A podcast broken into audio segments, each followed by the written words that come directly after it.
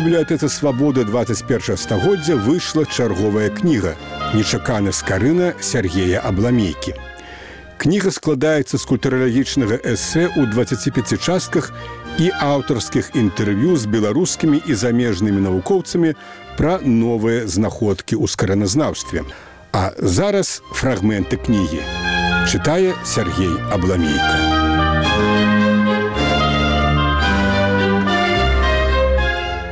А зараз пра тое, ці быў скарына ў Венецыі. У восень 1512 году скарына здаў экзамен на званне доктара медыцыны ва універсітэце Падуі, якая знаходзілася ўсяго за некалькі дзясяткаў кіляметраў ад Венецыі. Падую называлі тады лацінскім або універсітэцкім кварталам Венецыі, якая сама універсітэту яшчэ не мела. У часы скарыны два гарады звязваў водны канал брэнта, які існуе і ў нашы дні. Дарога на лодцы паміж абодвума гарадамі займала ўсяго некалькі гадзін. Каб адказаць на пытанне, ці быў беларускі асветнік у Венецыі, нам трэба добра ўсвядоміць сабе сілу і моц тагачаснай еўрапейскай культуры, галоўным цэнтрам якой тады якраз і была Венецыя. Пасля вынаходніцтва кнігадрукавання адбыўся сапраўдны культурны выбух. Друкарня выданні ствараліся сотнямі па ўсім кантыненце. Выдаваліся не толькі царкоўныя кнігі, але і светецкія. Пачаліся пераклады антычных аўтараў. Сталі выходзіць лістоўкі, газеты, альманахі, брашуры, філязофскія трактаты, навукова-тэхнічныя працы, зборнікі сентэнцый, юрыдычная літаратура і нават кухарскія кнігі.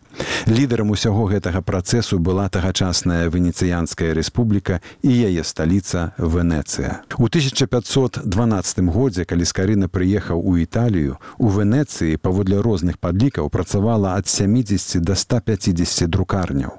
А ўсяго ў Італіі тады было 500 друкарняў, а некаторыя навукоўцы сцвярджаюць, што нават 700.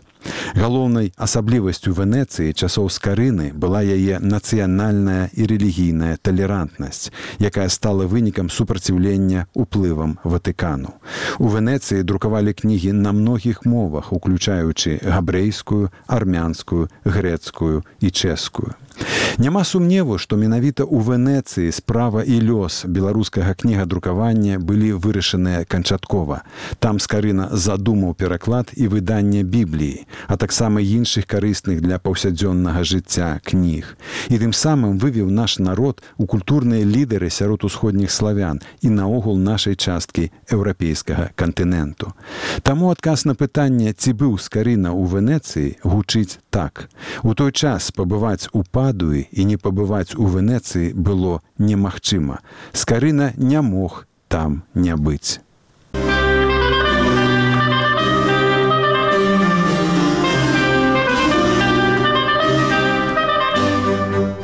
А зараз паговорым пра тое, з кім скарына мог сустракацца ў Венецыі. У канцы 15 пачатку 16 стагоддзяў у Венецыі жыў і працаваў вялікі італьянскі гуманіст і выдавец Альт Пі Мануцый. Калі скарына прыехаў у Італію, мануцыю было ўжо 64 гады. Пры яго выдавецкім доме існаваў гурток інтэлектуалаў гуманістаў, які называўся акадэміяй.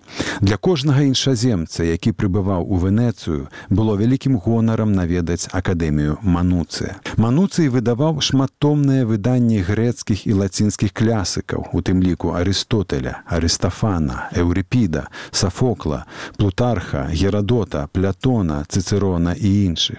Асабліва каштоўным выданнем Мануцыя стаў збор твораў Вергілія 1501 году. Мануцый лічыцца вялікім рэфарматарам кнігадрукавання. Яму належыць вынаходніцтва курсіву і малога фармату кніг, так званага ін-октаво на одну восьмую аркуша. Можна канстатаваць, што малы фармат сваіх выданняў скарына выбраў пад уплывам менавіта невялікіх кніжак Мануцыя. У гэтым сумнявацца не даводзіцца бо беларускі першы друкар сам даў нам пацверджанне гэтага, пра што гаворка пойдзе ў наступных частках нашага цыклю. Паколькі мы дакладна не ведаем, дзе францішак скарына знаходзіўся паміж 1506 і 1512 гадамі, мы не можам напэўна сказаць, дзе ён задумаў пераклад бібліі на нацыянальную мову. Венецыя на гэтую ролю падыходзіць ідэальна. У часы скарыны там па-італьянску выдавалі ўжо не толькі літаратурныя творы, але і навуковыя трактаты. Вялікі матэматык Люка Пачолі ў 1494 годзе выдаў у Венецыі па-італьянску славутую энцыкляпедыю сума арытметыкі, геаметрыі, адносінаў і прапорцый. У прадмове да яе выбар мовы ён патлумачыў так. Я вырашыў напісаць сваё сачыненне народнай мясцовай мове, каб і адукаваныя і неадукаваныя. Гэта значыць тыя, хто не ведае лаціны. У роўнай меры маглі атрымаць задавальнення ад гэтых заняткаў.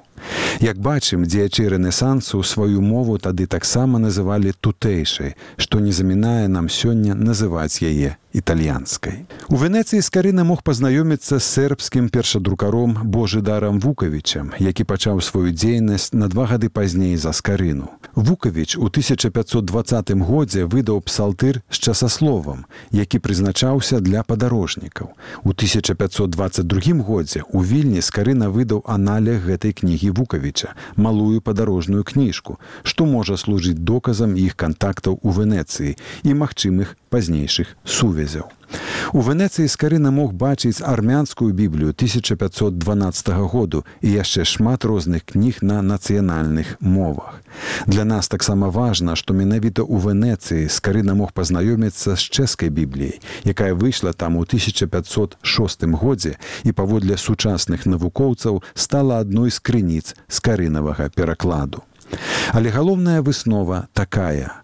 У выніку паездкі ў Венецыю беларускі гуманіст пачаў друкаваць кнігі малым фарматам, што зрабіла іх нашмат больш таннымі і даступнымі для простых беларусаў. Яны маглі проста і лёгка змясціцца ў невялікай дарожнай сумцы. Гэта быў чыста народны дэмакратычны фармат.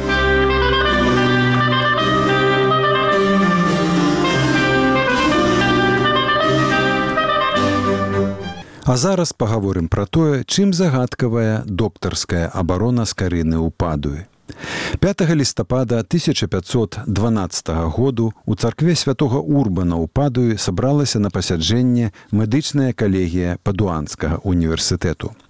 Адкрываючы паседжанне віцэ-прыёр калегіі доктар свабодных навук і медыцыны Тадэо Мусаці сказаў: Вашы дастойнасці, спадары навукоўцы, я склікаў вашы вялебнасці дзеля наступнай прычыны. Упадаю прыбыў вельмі вучоны, але бедны малады чалавек, доктар свабодных навук родам з вельмі далёкіх краін, якія ляжаць на адлегласці 4000 міль, а можа і больш ад нашага слаўнага гораду. Прыбыў малады чалавек для таго, каб памножыць славу і бляск падуі, а таксама квітнеючага сходу філёзафаў універсітэту і нашай нашай святой калегіі. Ён просіць калегію на знак асаблівай міласці дазволіць яму прайсці выпрабаванні ў галіне медыцыны. Калі дазволяць вашы вялібнасці, я прадстаўляю вам гэтага маладога чалавека. Завуць яго францішак, ён сын нябожчыка лукі з карыны з полацку, русін. Канец цытаты. Калегія, як вядома, дазволіла і назаўтра 6 лістапада скарына здаў доктарскі экзамен.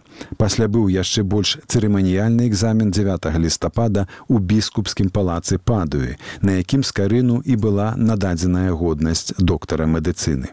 Вось тут і пачынаюцца загадкі.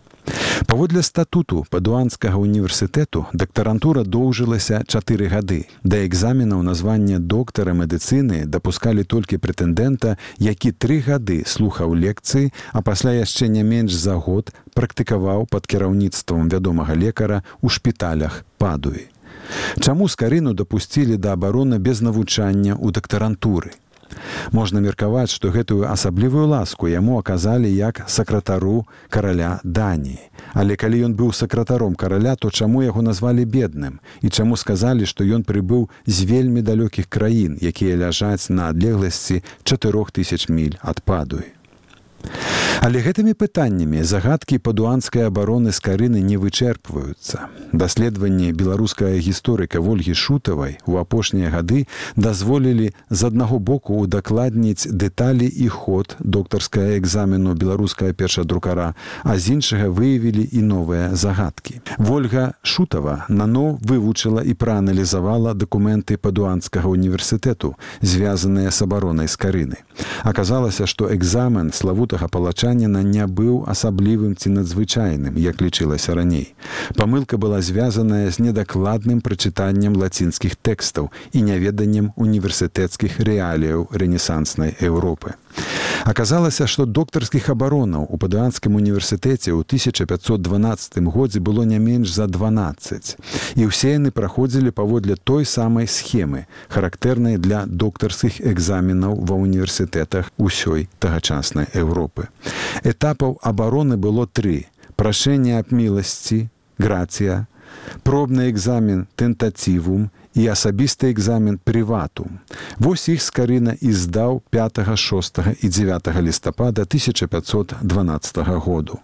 На апошнім экзамене прыватум у біскупскім палацы яму былі ўручаныя знакі доктарскай годнасці, так званыя інсігнія. Таксама ольга шутава высветліла, што ў склад камісіі, якая прысутнічала на ўсіх этапах абароны скарыны, уваходзілі прынамсі 33 чалавекі. Гэта былі вельмі вядомыя і паважаныя людзі Венецыі і падуі. Сярод прысутных на абароне скарыны быў біскуп падуі, кардынал Сыкстгара деля Рывера, пляменнік тагачаснага папы Юлія II і ўнучаты пляменнік яго наступніка Сыкста IV. Вельмі вядомы на той час у Італіі біскуп Паола Забарэла іншыя высокія каталіцкія дастойнікі, прафесура універсітэту, а таксама шэраг вядомых арыстакратаў і інтэлектуалаў. У 1512 годзе толькі дзве з 12 абаронаў суправаджаліся такой масавай прысутнасцю вядомых людзей.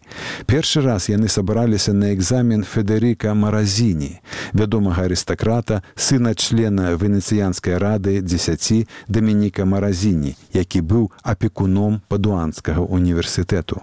А другі раз праз месяц гэтыя людзі прыйшлі паслухаць абарону ўраджэнца далёкага полацку францішка скарыны, што менавіта менавіта іх туды прывяло мы дагэтуль не ведаем. Яшчэ адной знаходкай ольгі шутавай стала прысутнасць у камісіі на абароне скарыны як найменш трох чалавек звязаных з кнігавыдавецкай справай. На агулу падаю до 1500 года ўжо існавала як мінімум сем друкарняў а кнігарні знаходзіліся ў непасрэднай блізкасці ад універсітэту. Дык вось у склад камісіі па абароне скарыны уваходзіў збіральнік кніг і манускрыптаў барталямео де санвіта, знаёмы альдамануцыя, разам з якім ён лічыцца вынаходнікам курсіву. Таксама былі прысутныя гандляр кнігамі Антоніюс де Санчына і пісьменнік Хрыстафор з Леньяміна, выхадцы з вядомых сямей заснавальнікаў італьянскага кнігадрукавання. Санчына юдэйская сям'я, якая займалася друкам кніг, а Леньяміна італьянцы, якія пакончылі з нямецкай манаполіяй на кнігадрукаванне ў Італіі. Чаму скарыну дазволілі здаваць экзамен без навучання ў дактарантуры, Чаму на яго абарону прыйшлі тры з паловай дзясяткі дзесяткі славутых людзей тагачасных венецыі падаю. І для чаго там былі італьянскія выдаўцы Нядаўна знойдзеныя дакументы, якія хоць і не называюць імя скарына, але дазваляюць меркаваць, што ён як сакратар караля Даніі у 1512 годзе за тры месяцы да прыезду ў падаю браў удзел у нарадзе ў Ватыкане, на якой абмяркоўвалася пашырэнне каталіцкай рэлігіі на ўсходзе Еўропы. Можна меркаваць, што з магчымым удзелам скарыны ў гэтай справе і звязаная прысутнасць на яго доктарскай абароне ў падаі такой колькасці вядомых людзей у тым ліку герархаў царквы і тых, хто займаўся кнігавыдавецкай справай. Некаторыя гісторыкі мяркуюць, што за скарынам павінна была стаяць нейкая сіла. Інакш бы ён не змог самастойна арганізаваць такую грандыёзную справу, як пераклад і выданне бібліі. Але дакладных адказаў на гэтае пытанне гісторыкі не маюць. Нічога не напісаў пра сваю магчымую каталіцкую місію і сам скарына тое што мы ведаем пра яго сёння дазваляе меркаваць што ён дзейнічаў на сваю ініцыятыву і карыстаўся дапамогай віленскіх беларускіх мяшчан мецэнатаў